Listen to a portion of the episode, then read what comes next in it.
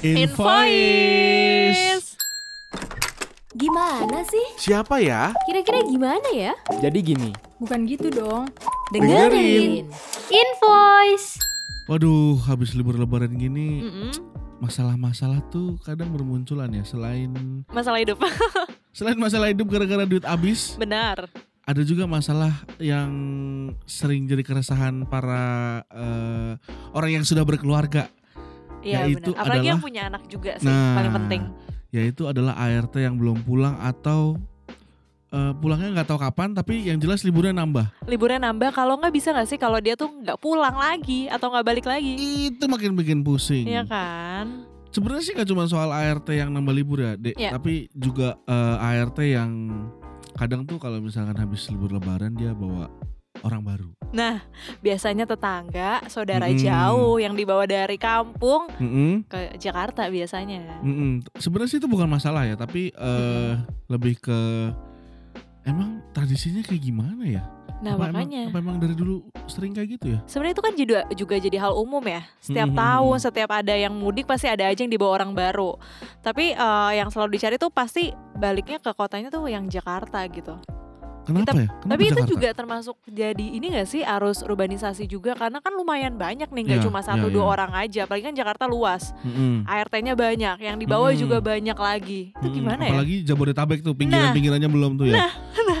Tapi kalau kita ngomong soal urbanisasi nih tadi Mm-mm. yang eh, dibilang ya, Mm-mm.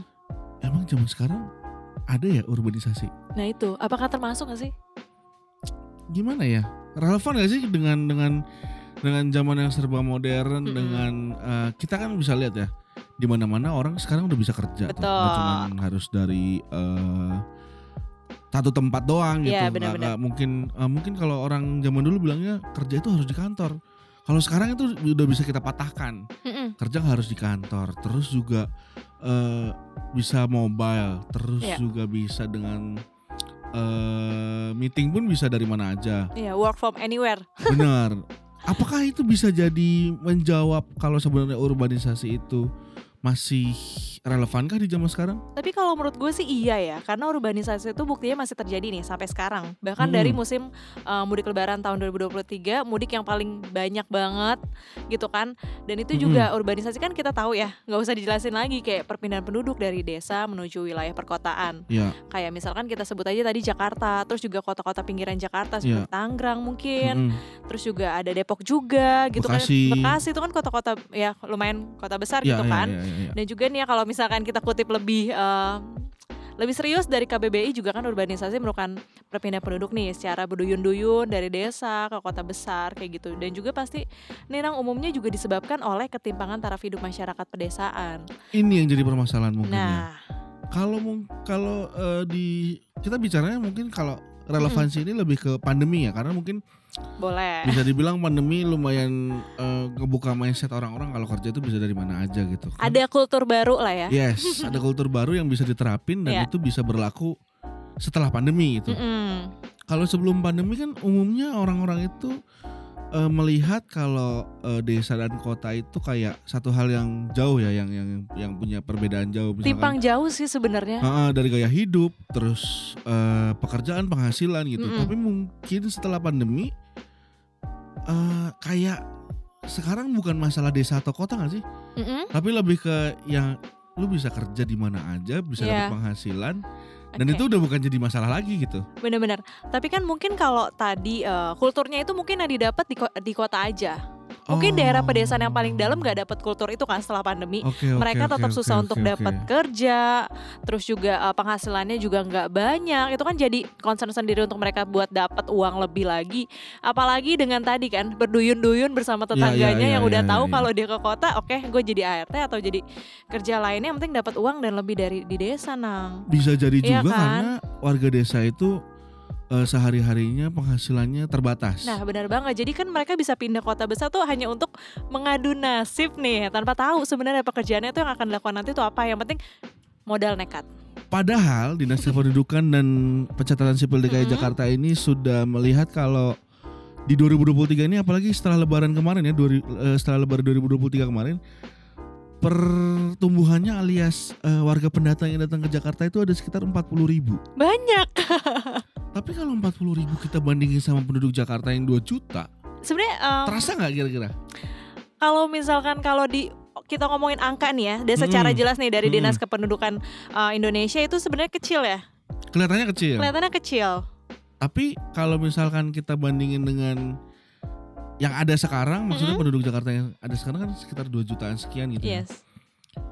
Sebenarnya nggak terasa sih. Nah benar, makanya kalau misalkan tadi di awal gue ngomong wah karena angkanya besar tapi ternyata itu bukan dari jumlah warga Jakarta yang 2 Nah. jutaan kan. Mungkin kita bicara eh kalau ini jadi satu dampak yang Iya. eh, berkepanjangan. Benar-benar. Misalnya kayak eh, munculnya kawasan kumuh di Jakarta atau Nah. mungkin eh, orang-orang yang istilahnya apa ya tidak Sebenarnya- punya pekerjaan. Iya, dan, Dan juga di- ditambah juga sama kawasan kumuh itu kan banyak juga daerah yang memang eh, mereka tuh sebenarnya nggak punya sertifikat tanah untuk tinggal, Ya. ya kan? Itu juga menyebabkan banyak yang penduduk ya entah itu disebutnya ilegal atau gimana gitu Benar, kan, benar, dan benar, nambah benar. lagi dan jadi problem baru sebenarnya. itu Kayak dia. gitu. Berarti inti permasalahannya adalah kemudian Mm-mm. eh, bukan eh, urbanisasinya, bukan Mm-mm. orang yang berangkat ke dari, Dari desa ke kotanya. kota. Tapi permasalahan-permasalahan berikutnya yang muncul karena mereka tidak punya bekal, Nah, tidak punya skill nah, tambahan, betul. hanya bermodal nekat buat Nah. ke Jakarta. Bener kan, jadi banyak banget eh, headline atau mungkin kayak cerita-cerita di sinetron Hmm, hmm. modal nekat ke Jakarta untuk mengadu nasib tuh ternyata beneran terjadi sampai sekarang di tahun 2023 gitu. Mungkin alasannya juga yang tadi ya, Jakarta kan eh, masih jadi fokus eh, untuk mencari pekerjaan, terus juga Yes. dianggap menjadi gantungan nih para pencari Benar. kerja. Bahkan kayak orang-orang yang deket Jakarta nih, kayak misalkan orang-orang Bogor gitu kan masih Ya, mereka fokus ya, ya. kerjanya di Jakarta dong Ya, ya, ya. orang-orang kayak Cibubur dan lain-lain juga kan pada di Jakarta juga. Bener, bener, bener. Jadi nggak heran kalau orang-orang yang di pedesaan lagi eh, yang lebih dalam Yang gitu lebih ya, jauh lagi lebih jauh lagi tuh menggantungkan nasib ya ya di Jakarta kayaknya wow. Bener, bener, bener. Jadi bukan satu hal yang aneh lagi ya kalau misalkan Mm-mm. ya orang yang tinggal di Bekasi, tinggal di Tangerang, tinggal di Rangkas Bitung Iya, bahkan benar-benar benar. sejauh itu dia tetap mengadu nasibnya di Jakarta. Tapi Mm-mm. yang jadi pertanyaan adalah kenapa selalu Jakarta yang jadi tujuan utama orang-orang ini Mm-mm. datang dari daerah untuk mencari pekerjaan. Nah, kalau misalkan gue cek lagi nih ya dari Hmm. Badan Pusat Statistik, ini tuh jawabannya 55% lebih penduduk nih dunia berimigrasi dan tinggal di Indonesia eh, terutama di perkotaan. Oh. Nah, catatan dari BPS ini menyebutkan kalau misalkan 56,7% penduduk Indonesia tinggal di kota-kota besar di tanah air. Oke. Tapi Jadi jawabannya kota-kota besar ya. Kota-kota besar nggak cuma Jakarta. Mm-mm, Nah, jumlahnya ini diprediksi juga akan terus terus terus terus bertambah menjadi 60% nih, tapi di tahun 2025 Oke. dan menjadi 63,4% di 2003 eh, di 2030. Oke, dan faktor paling utamanya yaitu adalah sulitnya mendapatkan pendapatan yang layak di Mm-mm. daerah asal Benar-benar. dan juga eh, ibaratnya apa ya? Pekerjaan yang layak dengan pendapatan yang layak itu. Iya, setimpal gitu ya maksudnya. Nah, Itu karena- mungkin susah didapetin di daerah asalnya. benar, Dan benar. kota besar ini jadi daerah tujuan mereka untuk mendapatkan penghasilan dan pekerjaan yang setara. Benar. Tapi kalau kita bicara lagi nih soal kesetaraan eh, pendapatan, apakah mereka cukup ya? Maksudnya ketika Mm-mm. lu datang ke Jakarta, eh penghasilan lu mis- ibaratnya eh, kita pukul rata lah dengan UMR Boleh. Jakarta lah ya. UMR Jakarta terus eh, dengan lo harus sewa rumah lagi, sewa Iya. tempat tinggal lagi, terus Mm-mm. buat hidup sehari-hari itu kayaknya Angkas juga ya. iya kayak apa ya? Apakah sebanding dengan apa yang lo dapat dan apakah sebanding dengan ketika lo eh, tinggal di daerah terus Mm-mm. bekerja di daerah tapi memang UMR daerah tuh lumayan jauh sih ya. Jauh banget sih. Ya nggak usah ngomongin daerah yang terpencil aja. Kita geser ke Jogja aja kan juga lebih Hmm, jauh kan hmm, dari hmm, Jakarta. Dan mungkin kayak tadi ketimpangan dari segi eh, eh, penghasilan ya yang akan didapat eh, teman-teman ataupun Ya, juga ya, orang-orang ya. nih ya dari daerah ke Jakarta itu kan mereka juga mungkin yang disebabkan daerah-daerah kumuh Terus juga tempat-tempat baru yang nggak ada sertifikat tanahnya juga itu kan dibuat sama mereka untuk meminimalisir anggaran dari harga Oh, supaya sewa. supaya nggak sewa terlalu mahal ya. Nah, jadi diciptakan mungkin dari zaman itu ya sampai sekarang Hmm. terjadi kayak gitu ada pemukiman itu. Gue juga mau nyebutin di beberapa Mm-mm. hal yang mungkin eh, bisa jadi pemikiran baru ya ketika kita bicara soal Mm-mm. kota besar. Ada Iya. beberapa hal yang mungkin eh, jadi alasan orang-orang akhirnya urbanisasi ke kota-kota besar, nggak cuma Jakarta nih. Apalagi pas habis mudik lebaran. Benar. Ada lapangan pekerjaan dan kesempatan kerja yang cenderung lebih banyak dibandingkan di pedesaan. Oke, Udah pasti, setuju sih gue. udah pasti. Terus upah tenaga kerja di perkotaan jauh lebih tinggi. Oke. Relevan. Tersedianya berbagai fasilitas kehidupan yang sangat memadai. Mm-mm. Nah, kalau kita bicara soal fasilitas, pastilah ya kayak Pasti. eh, lu ke Jakarta dapat fasilitas kesehatan yang lebih baik, pendidikan, yang lebih baik. transportasi juga Bahkan hiburan pun jauh lebih baik lebih baik dan lebih mudah untuk di diaksesnya. diakses. Benar. Terus juga kehidupan di kota yang lebih modern jadi Hmm. daya tarik tersendiri bagi banyak orang. Sayangnya pengangguran di kota ini kayak eh, meningkatnya lumayan drastis ya dari tahun ke Betul. tahun dan juga orang-orang yang datang ke kota ini Mm-mm. yang tadi yang gue bilang yang jadi eh, permasalahan utamanya adalah dia nggak punya keahlian Iya. dan juga pengalaman kerjanya terbatas. Mm-mm. Jadi memunculkan daerah kumuh, bikin Mm-mm. gelandangan dan pengemis Pengemisnya juga meningkat. meningkat ya. Efek berkepanjangannya itu yang jadi Kriminalitasnya juga nah, meningkat gak sih? ditambah kriminalitas juga. Uh, karena kan tadi ada tekanan juga, mungkin ada orang-orang yang uh, berhasil untuk urbanisasi gitu ya, uh, Yes. dengan mendapatkan pekerjaan. sedikit juga yang yang berhasil ya. Iya, terus juga ada juga yang mungkin tadi ujungnya nggak punya kerjaan, nggak tahu uh, planningnya apa, terus jadi gelandangan, jadi pengemis juga, dan nekatnya mungkin setelah mentok gitu ya untuk mendapatkan Mm, mm, penghasilan ada kriminalitas. Itu kan pasti dipicu juga kan sama tekanan. Ya, ya, ya. karena banyak juga nih uh, orang-orang yang dari daerah tuh menanyakan nih. Gimana di Jakarta? Udah Nah, sukses belum? nah, karena pasti selalu pas udah balik ke desa ah jadi orang sukses padahal kan belum tentu Pemikirannya begitu ya. Dari Jakarta eh, jauh-jauh merantau eh, jauh-jauh dari daerah merantau ke Jakarta, Mm-mm. begitu balik lagi jadi orang sukses. Nah, Mm-mm.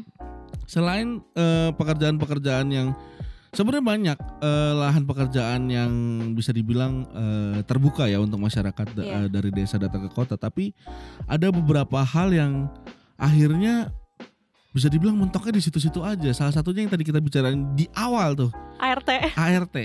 bener bener bener karena kan kalau misalkan ART tadi em, sistemnya bawa saudara, Ya. bawa teman dan itu emang bener-bener dibutuhin sih.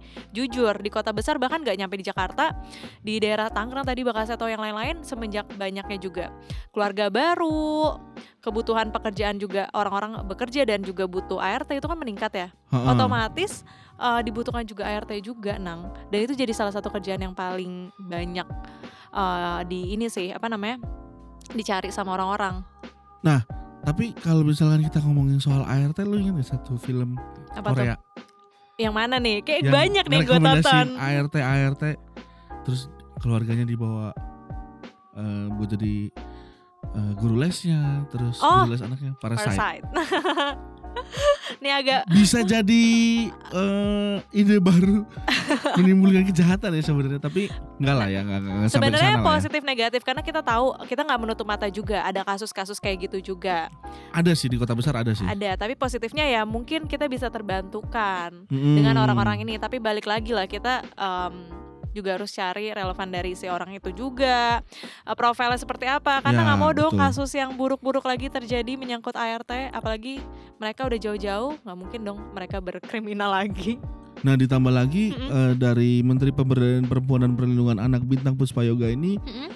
menekankan kalau datang ke kota besar itu jangan ujung-ujungnya jadi pekerja rumah tangga atau PRT doang. Mm-mm.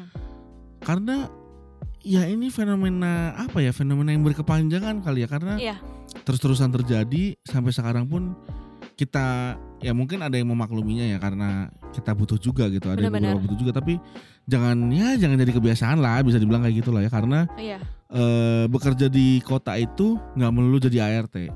Kayak yang tadi kita sempat obrolin juga kan ada banyak hal ada banyak peluang ada banyak eh, pekerjaan juga yang kebuka Mm-mm. dan ada banyak cara juga untuk jadi beneran sukses di Jakarta Iya gitu. benar banget dan juga kan em, karena eh, si bintang Prayo- eh, Puspa Yoga ini kan juga mengatakan ya fenomena ini juga harus diantisipasi juga Mm-mm. dan karena nggak sedikit itu perempuan-perempuan muda apalagi kan umurnya juga di bawah umur ya ya, ini di dibawa bawah oleh umur. PRT lainnya dengan iming-iming tertentu itu sih yang mungkin jadi harapan palsu ataupun mungkin yang jadi eh, sesuatu trigger untuk teman-teman dari desa ini ke Jakarta. Ya dan, dan ditakutkan juga jadi malah eh, muncul kejahatan baru kayak Mm-mm. Ya. penjualan manusia, Ya, human benar. trafficking kan ngeri-ngeri juga tuh kalau ada yang kayak begitu-begitu ya. Mm-mm. Salah satu solusi yang mungkin eh, dari obrolan kita ini bisa apa ya bisa menjadi jalan keluar. Oke. Asik. Of course harus.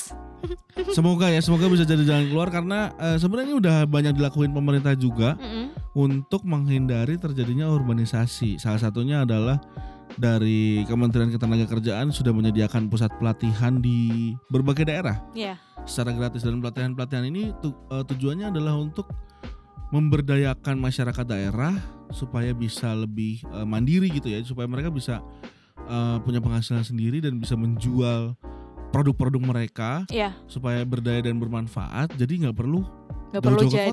Benar benar benar. Dan hal ini juga menjadi eh, apa ya pemikiran baru eh, terus juga bagi perangkat desa ya untuk Hmm, untuk eh, membuat benar. masyarakatnya di desa tuh lebih kreatif juga dengan mengadakan pelatihan-pelatihan seperti itu. Jadi nggak harus ada alur urban alur urbanisasi yang nggak jelas itu. Ya benar. Hmm. Terus juga ada otonomi daerah yang mungkin sebenarnya sudah berjalan, Mm-mm. tapi eh, apa ya kurang mungkin masyarakatnya kurang melihat itu secara nyata kali ya. Iya iya bisa Karena jadi. Sebenarnya otonomi daerah ini udah ada, tapi karena saking tinggal di pelosoknya, jadi dia melihatnya apa yang dia lihat aja gitu. Dia nggak sampai eh, ngelihat terjun langsung. di nggak- daerahnya sudah ada otonomi gitu. Iya iya iya iya. Benar sih karena kan juga hal itu eh, bisa menjadi ini ya masyarakat tertarik meningkatkan juga pendapatan di daerahnya juga. Mm-mm. kayak gitu dan mungkin kalau misalkan di pemerintah Jabodetabek juga udah mengantisipasi nggak sih terjadinya Udah. lonjakan penduduk Sangat sudah sering dengan menekan jumlah pendatang Mengantisipasinya baru ya. ya. Pastinya kan eh, pemerintah ini memastikan kalau misalkan eh, penduduk yang datang ini udah memiliki tempat tinggal, terus juga memiliki pekerjaan sehingga nggak ini loh nggak menambah jumlah pengangguran di Jabodetabek. Benar. Ditambah juga kan sekarang udah ada banyak peluang ya untuk Mm-mm. membuka eh, lahan pekerjaan baru. Terus juga punya eh, pekerjaan yang fleksibel. Iya. Misalnya nih, kalau misalkan sobat bisnis punya saudara yang memang tinggal di daerah terus Iya. berniat untuk Move ke sini. urbanisasi eh, atau datang ke Jakarta buat kerja di Jakarta, Ha-ha. mungkin bisa dikasih tahu kalau bisa loh bekerja di daerah aja dengan meningkatkan UMKM yang ada di daerah. Benar. Bisa dari pariwisatanya, bisa dari kulinernya. Iya. Dan juga eh, walaupun juga banyak banget yang um, underestimate kalau pendidikannya terbatas tuh nggak bisa kerja apa-apa. Kata siapa? Kata siapa? Sedangkan sekarang aja pemerintah daerah bahkan dari menteri juga gitu ya untuk Mhm. pemberdayaan UMKM itu tinggi banget. Jadi tinggal Benar. dicari aja gitu ya eh, fasilitasnya, pelatihannya Benar. sehingga kita bisa eh, maju juga dari UMKM-nya bahkan pendapatannya mereka juga lebih jelas dan gak usah jauh-jauh ke kota ke kota khusus liburan aja. Nah, jadi kebalik ya, kalau liburannya ke kota, kalau kerjanya di daerah. Wah, ide bagus tuh. Lebih cocok kan? Healingnya dapat, pendapatan juga tetap di daerah.